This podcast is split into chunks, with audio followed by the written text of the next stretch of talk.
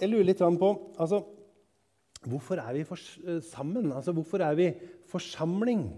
Eh, altså, hvorfor er vi menighet? Eh, hva, hva, hvorfor er vi sammen? Så kan dere svare. Hvorfor er vi sammen som menighet?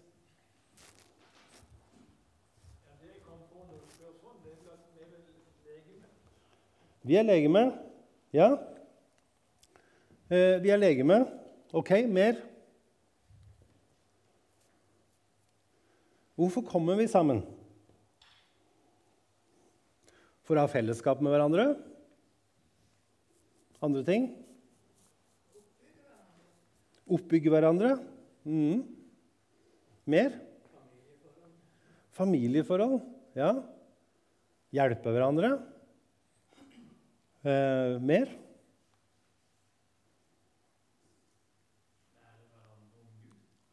For eksempel. Absolutt. Lære hverandre om Gud. Og eh, da kan det jo være at vi bruker eh, nådegavene vi har fått, i tjeneste for hverandre også. Andre ting?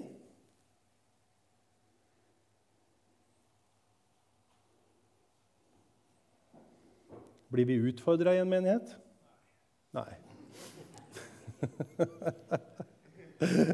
Nei, kanskje ikke det, da. Frank, bare husk på han. Ja, husk på han. Det er, det er masse. Det er mange, og vi har bare nevnt en liten brøkdel eh, av det jeg har skrevet opp her. Og, og det, er, det, er, masse mer også som, som, eh, som handler om det å være menighet, det er å være i en menighet, leve i en menighet, bygge menighet.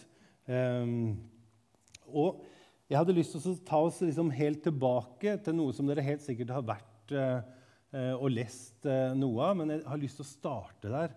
For det er bare helt fantastisk å lese om de første kristne, om hvordan de var sammen helt i starten. Så da skal vi først ta oss og gå til apostelgjerningene 2, 42 og, og videre til 47. Så leser vi sammen. De holdt seg trofast til apostlenes lære og fellesskapet, til brødsbrytelsen og bønnene. Hver og en ble grepet av ærefrykt, og mange under og tegn ble gjort av apostlene. Alle de troende holdt sammen og hadde alt felles.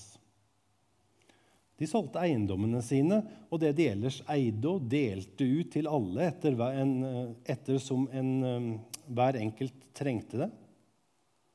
Hver dag holdt de trofast sammen på tempelplassen, og hjemme brøt de brødet og spiste sammen med oppriktig og hjertelig glede.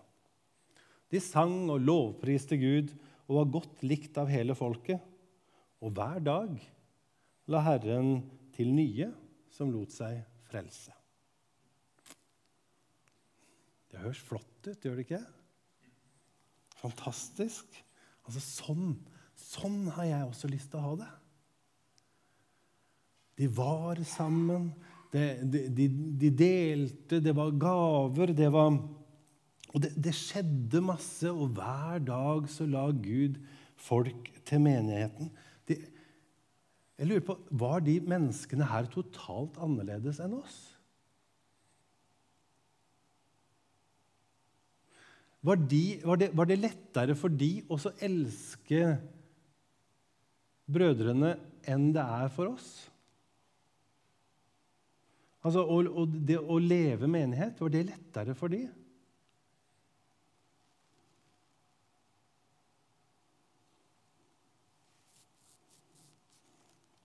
Hvordan kunne de? Hvordan kunne de elske hverandre på den måten her? Sånn at eh, hele folket så på en måte at eh, Å se hvor de elsker hverandre, det er jo det de snakker om. At de så menigheten, den første menigheten, og det ble sagt om det. De trakk til seg folk. Jeg har lyst til å ha det sånn. Har du lyst til å ha det sånn? Det er et veldig godt utgangspunkt. Når jeg leser det her, så, så, så, leser jeg alle de troende holdt sammen, hadde alt felles. De solgte eiendommene sine og det, det de ellers eide, og delte ut et, alle etter Akkurat det kunne jeg tenkt meg å ikke ha. Jeg vet ikke åssen det er med deg. Men, men, alt det andre, bortsett fra at de delte eh, så masse, det, det, kunne vært fint. Nå skal vi snakke litt om, om menighet i 2021. Åssen bygger vi menighet i, i 2021? Eh, hva kaller Gud oss til å gjøre i dag? Det har jeg lyst til at vi skal liksom ha liggende bak her. Og så skal vi prøve å se litt på hva, hva Bibelen sier. Og Vi skal ta oss og starte med Hebrebrevet. Hebrebrevet 2,10. For der står det For Gud, som er alle, grunns, um, alle tings grunn og opphav, ville føre mange barn til herlighet. Hva handler det om å bygge menighet i dag, eller å, å være menighet? Jo, det handler om hva Gud vil. Og hva er det Gud først og fremst vil? Først og fremst så vil Gud at mennesker skal komme tilbake til Han igjen. Han vil at de skal få et møte med Han, sånn at de kan komme inn i hans nærhet, bli hans barn og så vil han føre dem til herlighet. Ikke sant? Det er det Gud først og fremst vil. Hele Bibelen vitner om det, om hva Gud vil. Og hele Bibelen er også historien om hvordan Gud bygger sin menighet. Først så, så er det Israel og, og, Israels hus, og så kommer Jesus og, og den nye pakt, og så bygges menigheten videre blant alle folk. Alle folkeslag. Alle mennesker skal nå få lov til å komme inn i Guds nærhet og bli dratt med inn i det evige riket. For all evighet. Gud ønsker å bygge seg en evig familie. Og du ble skapt og frelst for evig å tilhøre hans familie. Og det er litt viktig å vite. Du er skapt og frelst for evig å tilhøre Gud. Og når du er frelst nå, så er du akkurat der du skal være. I hans nærhet som hans barn. Og så ønsker han å lede deg videre. Og så skal du få lov til å være en del av kirken eller menigheten eller eh, Altså alle de kristne på jord, de som blir kalt bruden. Og Bibelen beskriver forholdet mellom Gud og menigheten som et kjærlighetsforhold eh, mellom eh, en brud og en brudgom. Han elsker oss, og vi elsker han. Ikke, det, det, er ikke noe snakk om tvang her. Altså, det kan ikke være gift på tvang, vet du. Altså Bruden kommer og elsker sin brudgom, og brudgommen elsker sin brud. Du er elska av Gud, og du elsker Gud.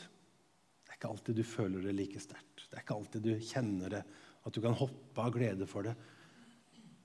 Men kunne du vært foruten Gud? Kunne ikke det. Det hadde vært en tragedie. Så Gud elsker deg, og du elsker han tilbake. Men han ønsker ikke at det skal stoppe der. Han ønsker at det familieforholdet som han har skapt deg inn i, og som du har blitt en del av, det skal ikke bare liksom gå oppover til Gud og nedover til deg. Det skal også gå utover. Utover til, til deg og, og, til deg og, og til deg. Ikke sant? Det skal gå utover. Det kjærlighetsforhold som vi har fått mellom oss og Gud, det går også utover til våre søsken i ånden. Våre søsken som, eh, som vi har blitt frelst inn i familien med. Og så står det i 1. Peters brev 2,7.: Elsk din åndelige familie, eller elsk brorskapet. Og i Johannes 3,14.: eh, Vi vet at vi er gått over fra døden til livet, vi som elsker brødrene. Så det at Bibelen eh, ikke bare snakker om, om, om, om noe som eh, Eller skal jeg si det på en annen måte Gud sier faktisk at han vil at du skal lære å bli glad i din åndelige familie, i de andre kristne rundt deg. Har du fått med deg det?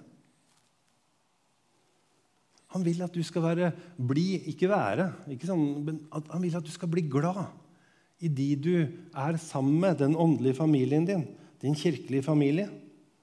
Han vil at du skal ha fellesskap med dem. Guds tanke for ditt liv som en kristen i en menighet er at du skal ha fellesskap. Og fellesskap er å være glad i Guds familie. Men det er ikke et hvilket som helst fellesskap vi snakker om da. Det er ikke sånn derre eh, fotballsupporterfellesskap eller et jaktfellesskap eller, eller sånne ting.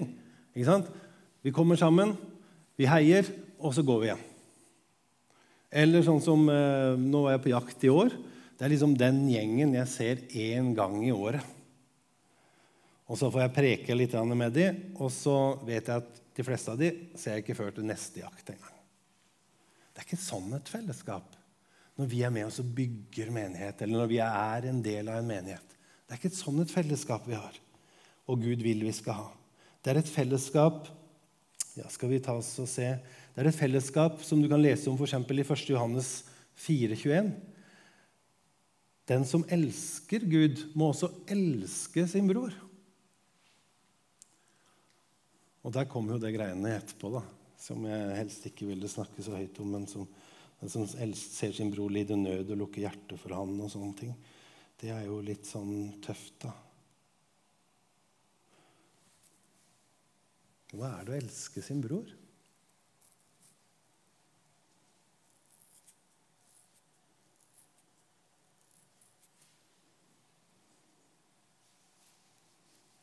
Jeg tenkte jeg ville bare la det ligge litt.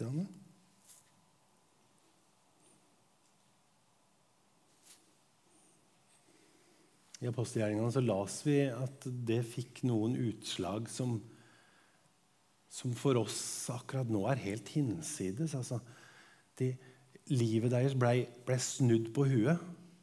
De, de ble frelst, de, de ble en, en menighet altså, Gud kom inn i livet deres, livet ble snudd på huet, og de begynte å selge det de hadde, for at de skulle hjelpe de andre, sånn at de kunne ha det godt sammen og være sammen. Og de hjalp hverandre, og de, de var sammen i hjemmet og, og, og, og, priste Gud. Et sånn et uttrykk fikk det da.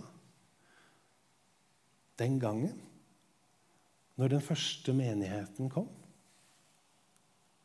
Hvordan kan det se ut? Hva betyr det i dag å elske brødrene? Og søstrene, selvfølgelig. Altså. Er, dere vet hva det handler om. Det er alle, ikke sant?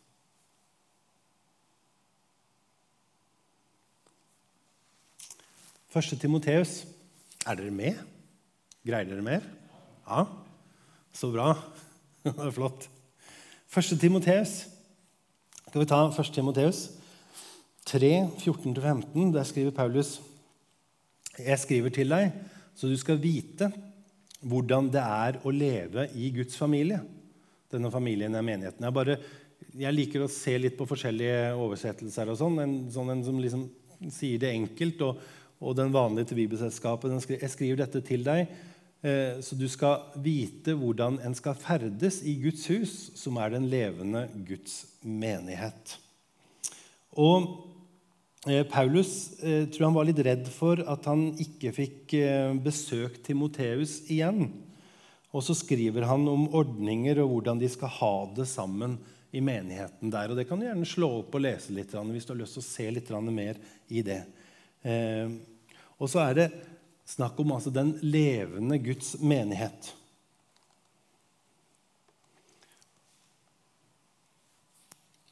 Vi lever i et samfunn i dag som blir stadig, i hvert fall opplever jeg det sånn, blir stadig mer um, seg sjøl nok.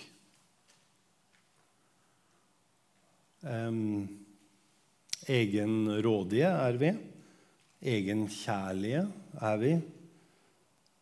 Egoistiske er vi.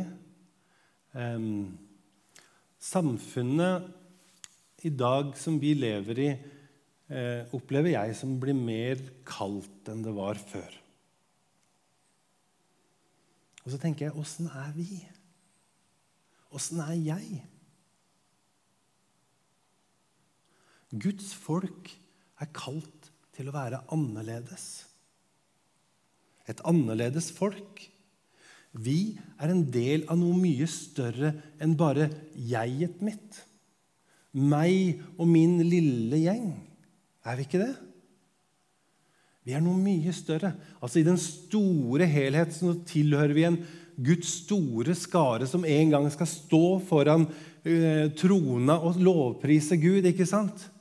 Og så går det nedover fra verden, og så, og så, kommer vi nedover til Kristiansand, og så er det masse menigheter her. Vi tilhører fremdeles en stor familie, og så kommer vi inn her, og så tilhører vi denne familien. Vi står i en stor setting. Hvordan lever jeg i denne verden som, som vi er i nå, annerledes? For vi er et annerledes folk. Vi er kalt av Gud til å være lysets barn, til å elske våre søsken, til å dele. Vi har, vi har blitt en familie. Vi har blitt født inn, født på ny inn i en familie. Sånn at uh, i Bolivia så, så, så det, sier vi gjerne 'hermano', 'hermana'. Eh, og det er en veldig fin sånn påminnelse. Det betyr eh, broder, søster. Kjempefin påminnelse på oss å se hvem vi egentlig er. For du er jo ikke bare Ja, nå kan jeg jo ikke navnet ditt. ja. Du er ikke bare Torbjørn, men du er min bror i Kristus. Så vi, vi, når vi ble født inn i den samme familien, så, så har vi en connection. Og vi tenker vi skal tilbringe evigheten sammen. Det er noe større enn bare meg, det er noe større enn bare Jon eller bare Torbjørn. Vi er flere. Um, dere er de helliges medborgere og tilhører Guds familie. Du tilhører. Du tilhører noe større og noe mer enn bare deg. Du tilhører. Det kristne livet er ikke bare en sak om å ha en privat tro. Det har med tilhørighet å gjøre. Og du trenger en åndelig familie å være sammen med her. Vi må velge å tilhøre den familien. Vi trenger å tilhøre den familien. Og det handler rett og slett litt også om å la seg inkludere. Og Nå tenkte jeg skulle gå til sportsverdenen.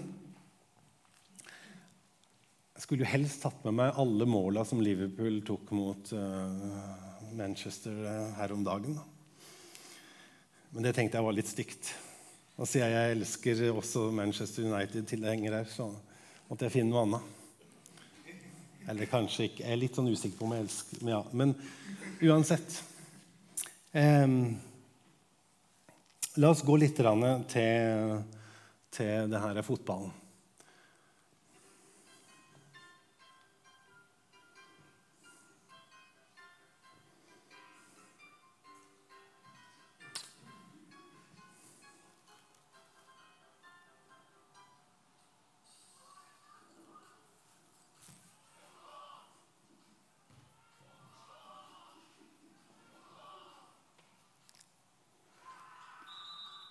Altså, Å bygge Å være i en menighet handler om å ikke gå solo.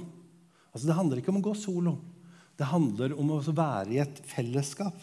Altså, Du tilhører, og du trenger fellesskapet. Eh, og hvis menigheten var et fotballag, så er det her, i dette fotballaget, du trener. Altså, der du skal få lov å utvikle deg. Det er her, i denne menigheten, som du eh, får støtte og oppmuntring og hjelp til å gjøre eller leve det her livet.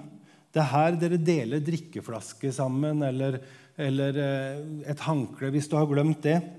Eh, det er her du ofrer deg for de andre. Fordi det, det, er jo ett mål vi har. Og det målet skal vi jo nå. ikke sant? Vi ønsker jo at mennesket skal bli frelst.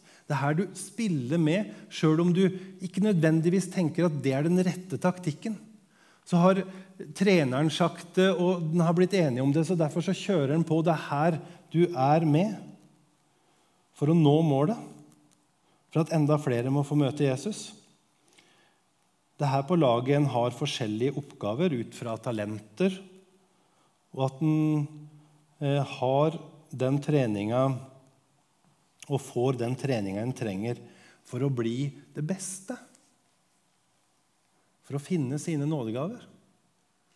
For å leve livet som et lysets barn av Gud. Bibelen forteller oss i Romerbrevet 12,5 at på samme måte er vi alle ett legeme i Kristus, men hver for oss så er vi hverandres lemmer. Og da er vi medlemmer på Kristus. Vi trenger hverandre.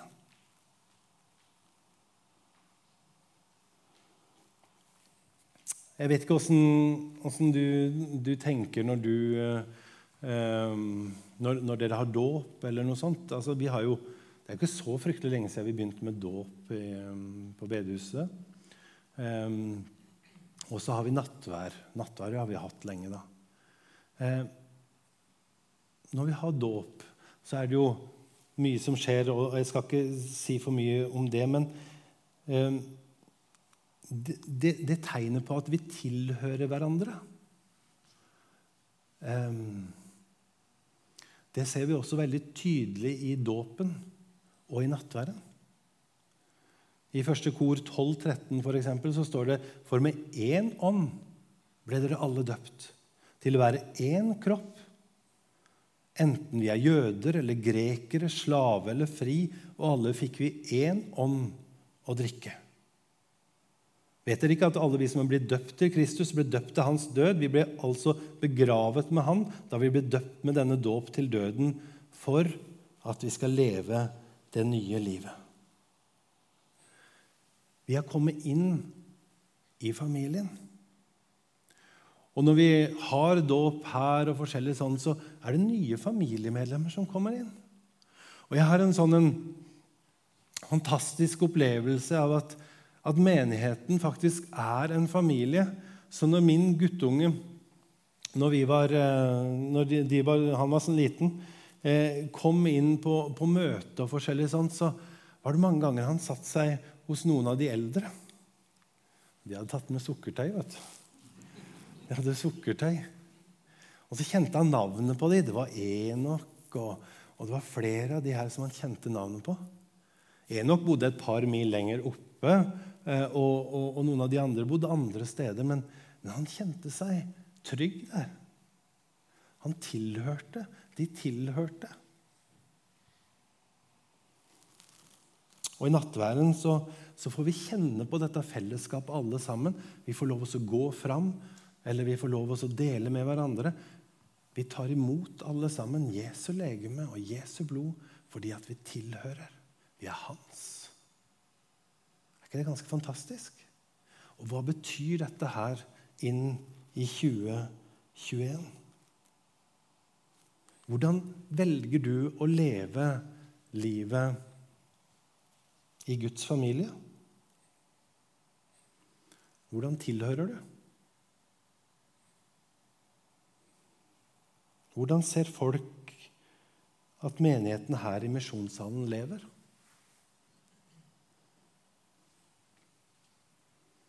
Det tenkte jeg dere kunne ta med dere inn i kaffepausa. Skal vi komme tilbake litt?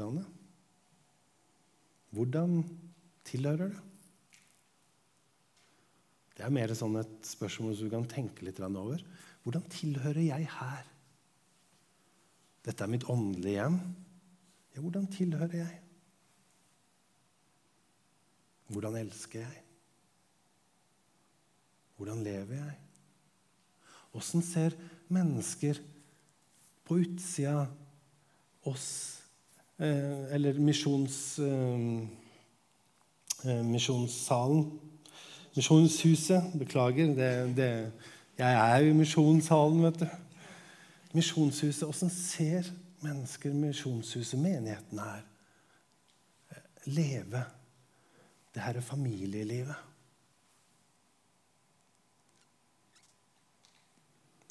Ta det med deg.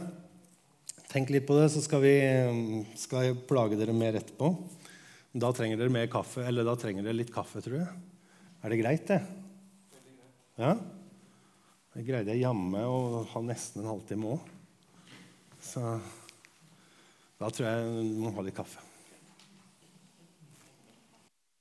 Ja. Um, fått i seg litt koffein ja, og litt kake. Det var godt med kake òg. Så det gir jo at vi holder ut en liten stund til, gjør det ikke det? Så det er veldig fint. Eh, jeg har lyst til å ta dere med inn eh, Eller ta dere med inn Altså det, det andre som jeg tenker er fryktelig viktig for eh, en menighet i 2021, det handler om vennskap og det å dele, eller det å lære å dele, kanskje. Og Derfor så blir det mer utfordringer i dag. altså. Men først en liten uh, reklamesnutt. Det er jo alltid sånn i starten på gode TV-serier.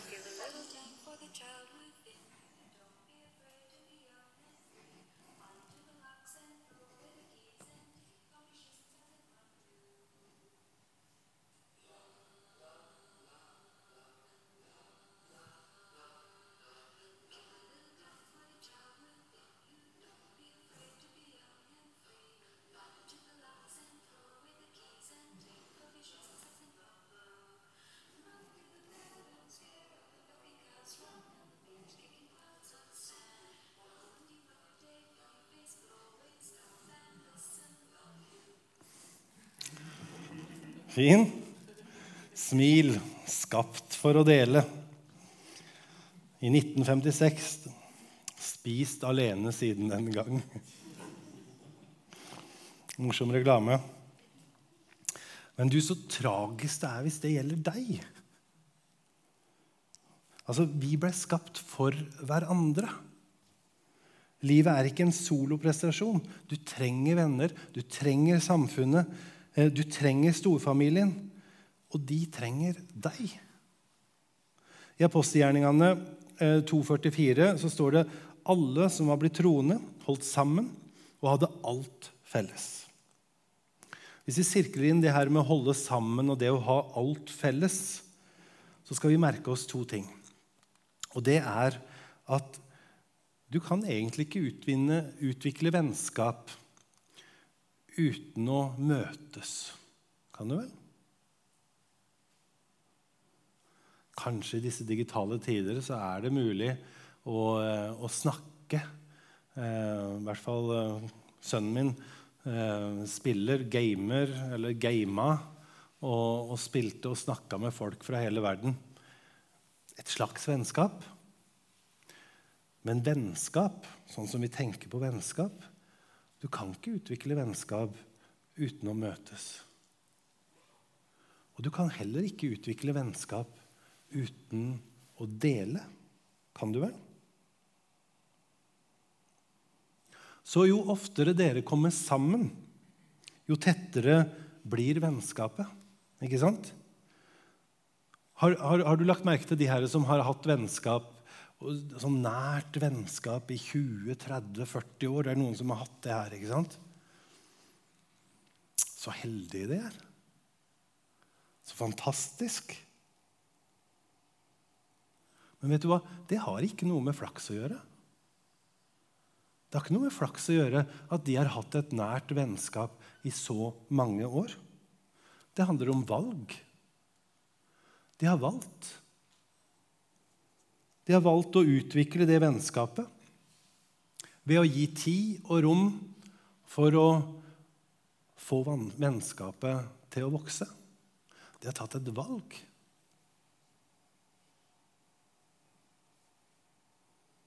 Du kjenner kanskje også på at det har vært noen vennskap som har glidd bort i ingenting.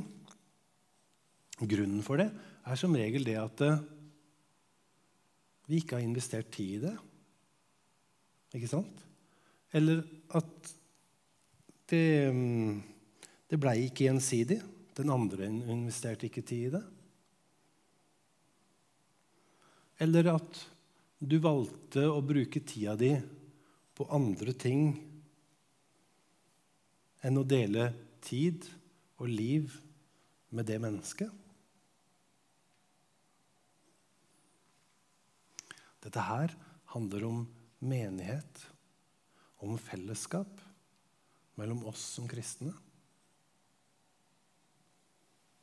Dere som er foreldre her, dere vet hvordan dere lærte barna deres å dele når de var små. ikke sant? De måtte lære det.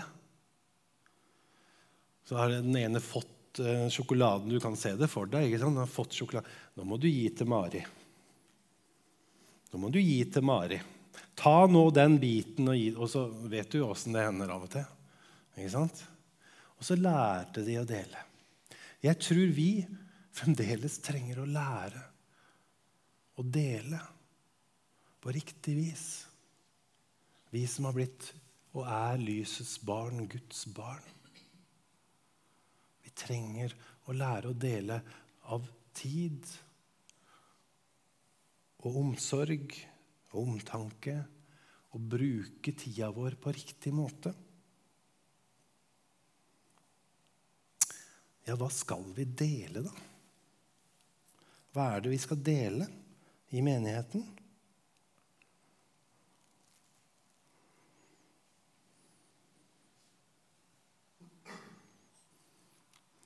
Det kunne jeg snakka masse om, eh, men jeg har lyst til å ta med tre ting i dag eh, som jeg ser i Bibelen som utfordrer meg, og, og, som jeg tenkte jeg ville ta med framfor dere. Om hva vi som menighet, i menighet, skal dele. Eller blir utfordra på å dele. For det første så skal vi få dele våre erfaringer.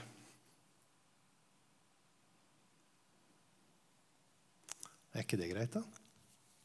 Her sitter vi med masse erfaringer. Masse erfaringer etter eh, lange liv, korte liv, levd forskjellige plasser på forskjellige måter. Har du sett på det som, en, som, en, eh, som noe verdifullt? Det er fantastisk verdifullt. Men det kan også være fantastisk irriterende. Grusomt irriterende. I Bibelen så står det noe om at jern slipes med jern, og det ene mennesket sliper det andre. Og det kan vi jammen meg få lov å oppleve i en menighet. Vi drar med oss tro erfaringer og forskjellige sånne ting. Og så tenker vi at sånn må vi være, sånn må vi gjøre det, sånn må det Og så begynner vi å, å, å kjenne på at erfaringene de, de bruker vi for det det er verdt, og så tenker vi at Og så blir det kanskje ikke alltid så positivt. Det meste av, av de her tinga det, det, det, det, bunner i at vi har med oss forskjellige erfaringer og forskjellige tenkemåter. Og hvis vi kunne møtes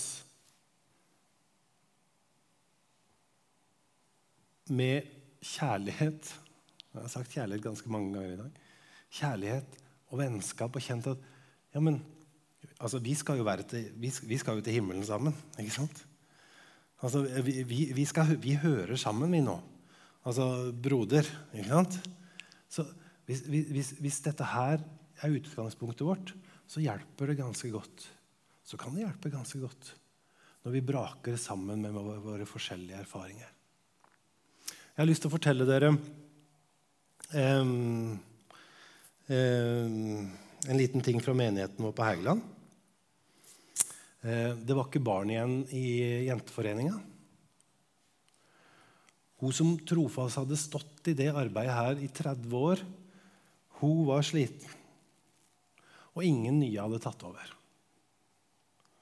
Og hun hadde gjort det på sin måte. Eh, og noen de mente at vi måtte mane noen til å bli med, sånn at den kunne fortsette det arbeidet.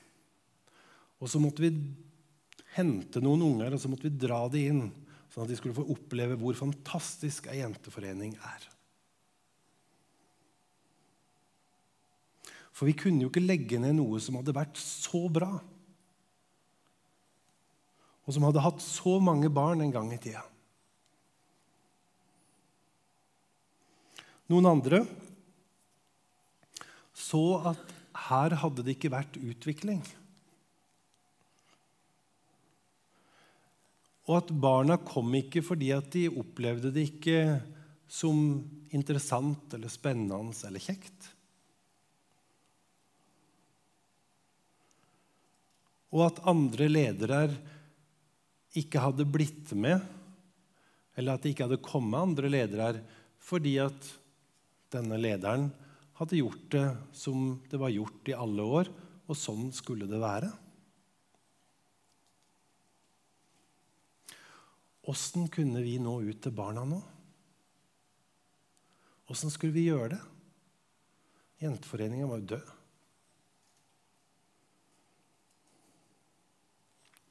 Så kommer det altså noen unge mødre eh, og lurer på om de kan starte ei dansegruppe.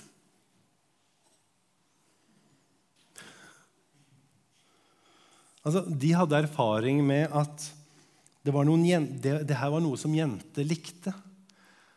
Det, altså, dansegruppe. Kan du tenke deg det ordet?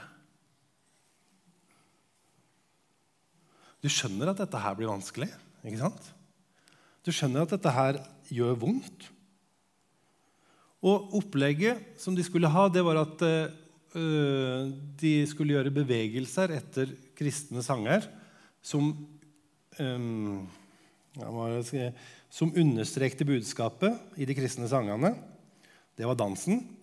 Og så skulle de ha en god andakt og noe godt å spise. Det var, det var tanken. Um, for noen av de eldre i menigheten så blei dette her veldig vanskelig. Det var vanskelig. Men det de ikke gjorde, det var at de reiste seg ikke i protest. De tok det heller opp på et menighetsmøte, og, og, og han samme gode Enok som sønnen min krabba i fanget på, han sto på menighetsmøtet og sa at dette her syns jeg ikke er riktig. Dette her kan vi ikke gjøre. Og så bestemte menighetsmøtet at nei, vi skulle gjøre dette her. Dette skulle vi gjøre.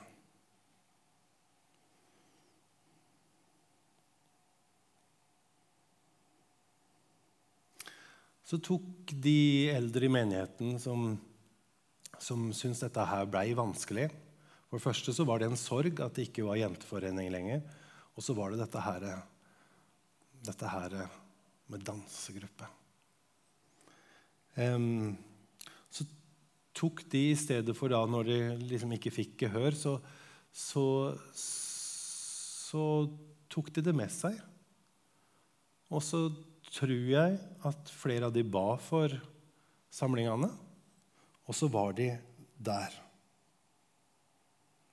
Altså, de var på, til stede på møtene når, når, når dansegruppa hadde sine ting. Um, jeg tror også noen av de prøvde så godt de kunne å velsigne arbeidet. Eh, siden dette her starta for ti år siden, så har det vært rundt 20-30 jenter med eh, hele veien. Eh, og noen av de eldre har fått se barnebarna sine vokse opp og bli tydelige kristne gjennom det arbeidet. Det har også vært unger fra ikke-kristne familier som har som i dag bekjenner Jesus. Og Det er noen familier som ikke var aktive, som har kommet inn og blitt aktive i Frikirka der oppe pga. denne dansegruppa. Jeg sier ikke at vi skal ha dansegrupper, at det er svaret. Men jeg sier at våre erfaringer må slipes, og så må vi jobbe eller se hverandre i kjærlighet. Og så må vi holde sammen for det om vi kanskje ikke har tro på akkurat det her eller ikke. Og så sier jeg også en ting til, og det er og Det skrev jeg ned her.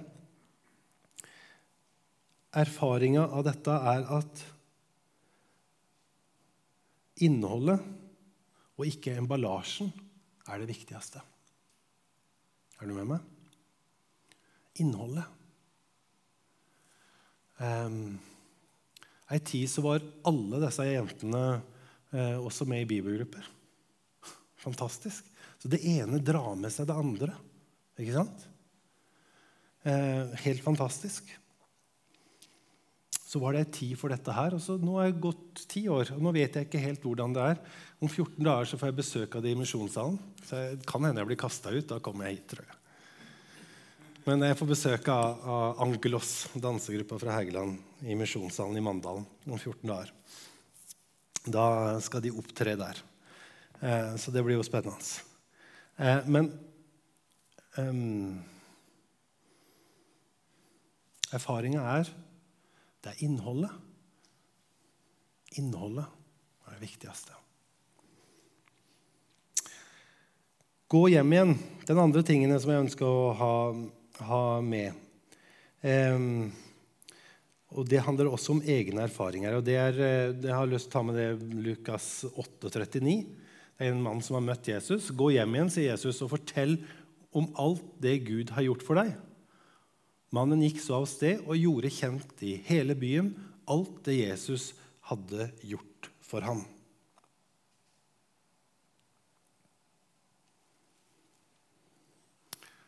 Dele.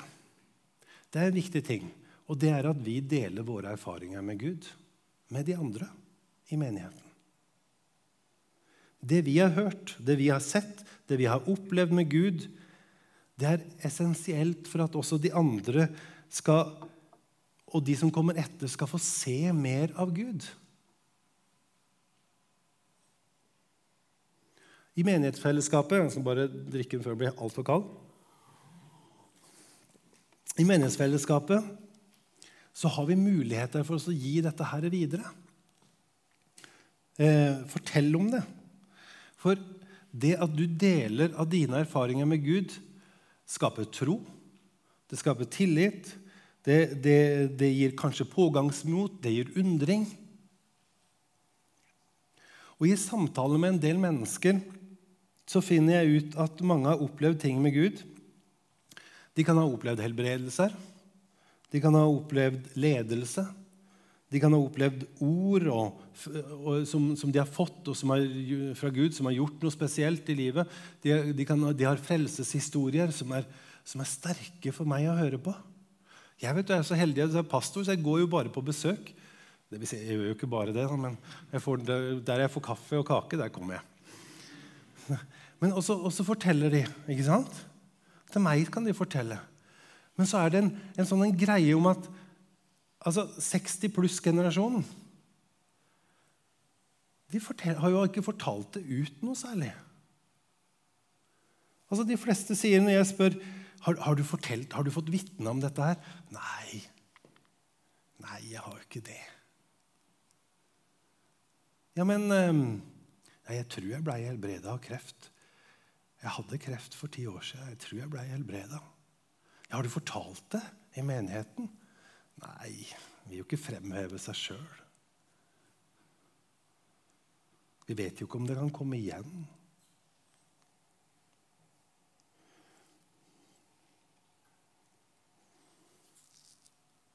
Nådegaver som mennesker har gått med, og som de tror kanskje de har hatt, har de ikke turt å bruke. Hvorfor ikke det? I en menighet så må vi ha fellesskap der vi kan få lov å dele. Vi har storfellesskapet vårt. Vi har gudstjenesten. På søndag så hadde dere 200 mennesker her. Fantastisk, ikke sant? Og Det myldra sikkert av liv, og det var herlig, og det var, det var, godt å være. Du fikk være med i lovsang, og det var andre ting som skjedde. Fantastisk. Dette trenger vi. Og så trenger vi de små fellesskapene. Det de fellesskapet der vi kan dele, der vi kan se hverandre inn i øya. Der vi kan snakke om livet. Der vi kan legge hendene på hverandre og be for hverandre. Der jeg kan spørre om, om kan, tør, Vil du be for meg om at jeg har så lyst til å ha gave til å tale i tunger? Eller jeg lurer på om at jeg lurer på om jeg har en tydning eller noe sånt. Jeg har kjent på det noen ganger. Kan dere be om at jeg tør å si det i tilfelle, hvis, hvis noen tør å, å ha tunger i jeg, jeg har lurt på Ikke sant? Disse fellesskapene. Og så er spørsmålet Tilhører du et sånt fellesskap?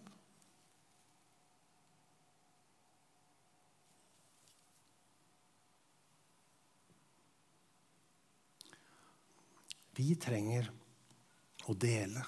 Del frimodig av det som Gud har gjort i ditt liv. Del. Og tør å dele også de ting du lurer på om Gud har gitt deg. Om det er nådegaver, om det er at du kjenner at du kanskje skal, skal, skal, eh, skal ha en vitnetjeneste, eller, eller, du skal få være med og be for folk, ja, så begynn i de her små fellesskapene. Det er kjempeviktig. Husfellesskapet.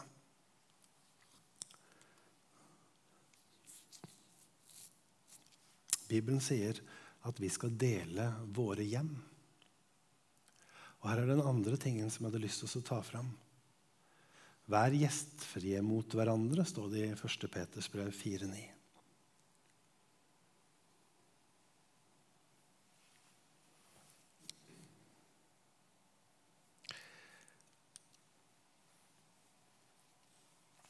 En ting. Jeg har ikke funnet i Bibelen at det står at vi skal dele våre hjem Eh, bare vi som har pene hjem.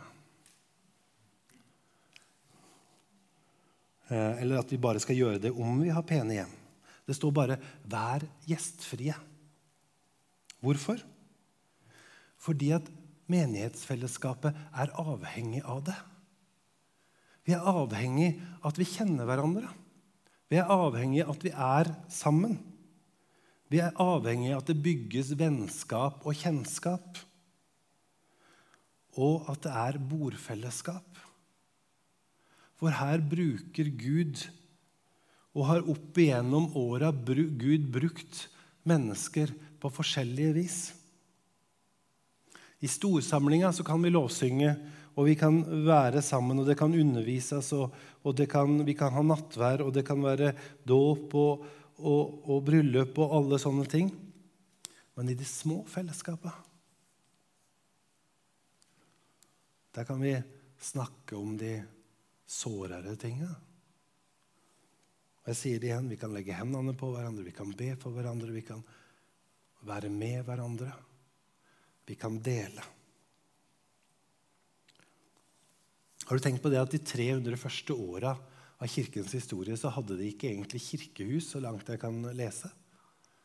Enten så samles de hjemme, eller så samles de i synagogen eller ute. Stort sett så samles de hjemme.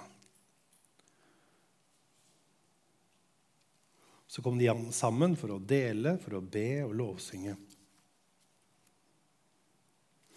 Og nå kommer neste utfordring. Har du, har du noen du skulle invitert og bygd fellesskap med?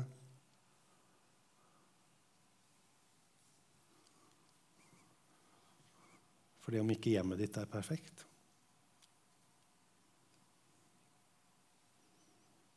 Har du noen du skulle ha invitert og, og bygd fellesskap med av dine andre kristne søsken?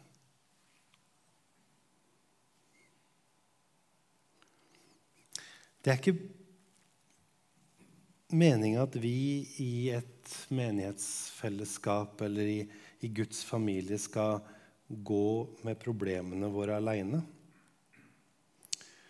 Um, I um, Galaterne 6,2 så står det 'bær hverandres byrder' og oppfyll på den måten Kristi lov. Og så vet vi at når vi deler en glede, så blir det dobbelt glede. Og så når vi deler en sorg, så blir den halvert. Og Bibelen sier om at vi kan gråte med de som gråter, og le med de som er lene. Og hvor er det mulighet da for oss i 2021 å dele byrdene våre her i menigheten?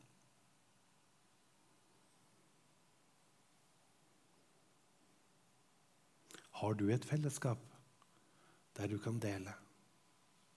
Hvis du ikke har det, så er jeg sikker på at Frank vil legge til rette det han kan for at dere skal få fellesskap.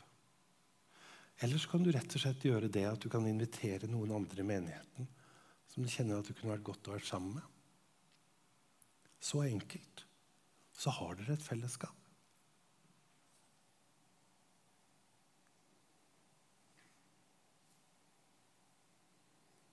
Bryr folk seg i menigheten din? Bryr du deg? Nå ble det mange, mye ransaking.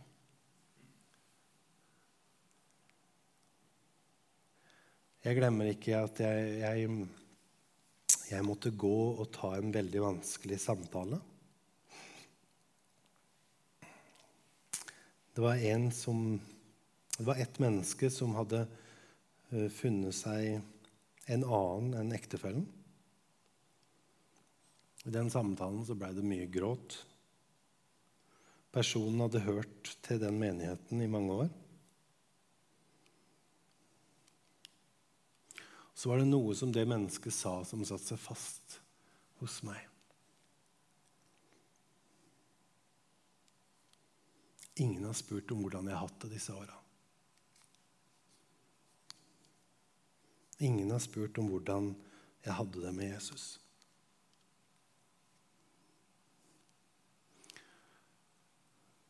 Vi trenger hverandre. Vi trenger å tørre å spørre hverandre. Vi trenger å se hverandre. Gud vil at vi skal se hverandre. Åssen kan vi være sånne venner? Dere skal elske hverandre som Jesus har elska dere.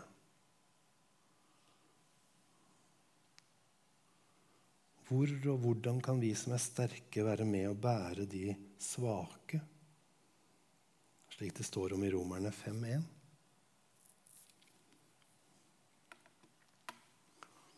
Det er en del av menighet, en del av fellesskapet. Vi skal være med å dele. Vi skal få dele erfaringer, sånn at vi, vi finner at Gud får bruke oss i de forskjellige situasjonene. Og vi skal få dele erfaringer, sånn at Gud får bruke oss til å oppmuntre andre, kanskje, erfaringer som vi har med Gud. Vi skal få være med å åpne våre hjem. For det handler ikke om bare det som skjer her inne. Her på søndagen så er storfamilien samla. Og det er godt. Men hvordan blir du kjent med den gjengen i storfamilien? Hvordan, hvordan eh, blir, er, det, er, det, bare på søndager at du er litt sammen med dem, og så resten av uka så, så vet ingen om hverandre? I en storfamilie så er det vel ikke alltid sånn? Er det sånn? Du trenger å bygge, og du trenger et fellesskap. Og de menneskene rundt deg trenger fellesskap. Husfellesskap, fellesskap der dere kan dele. Jeg tror det er viktigere enn noen gang i 2021. Så hvordan lever vi menighet her i Kristiansand i 2021? Det er spørsmålet mitt. Hvordan kan vi leve menighet her i 2021?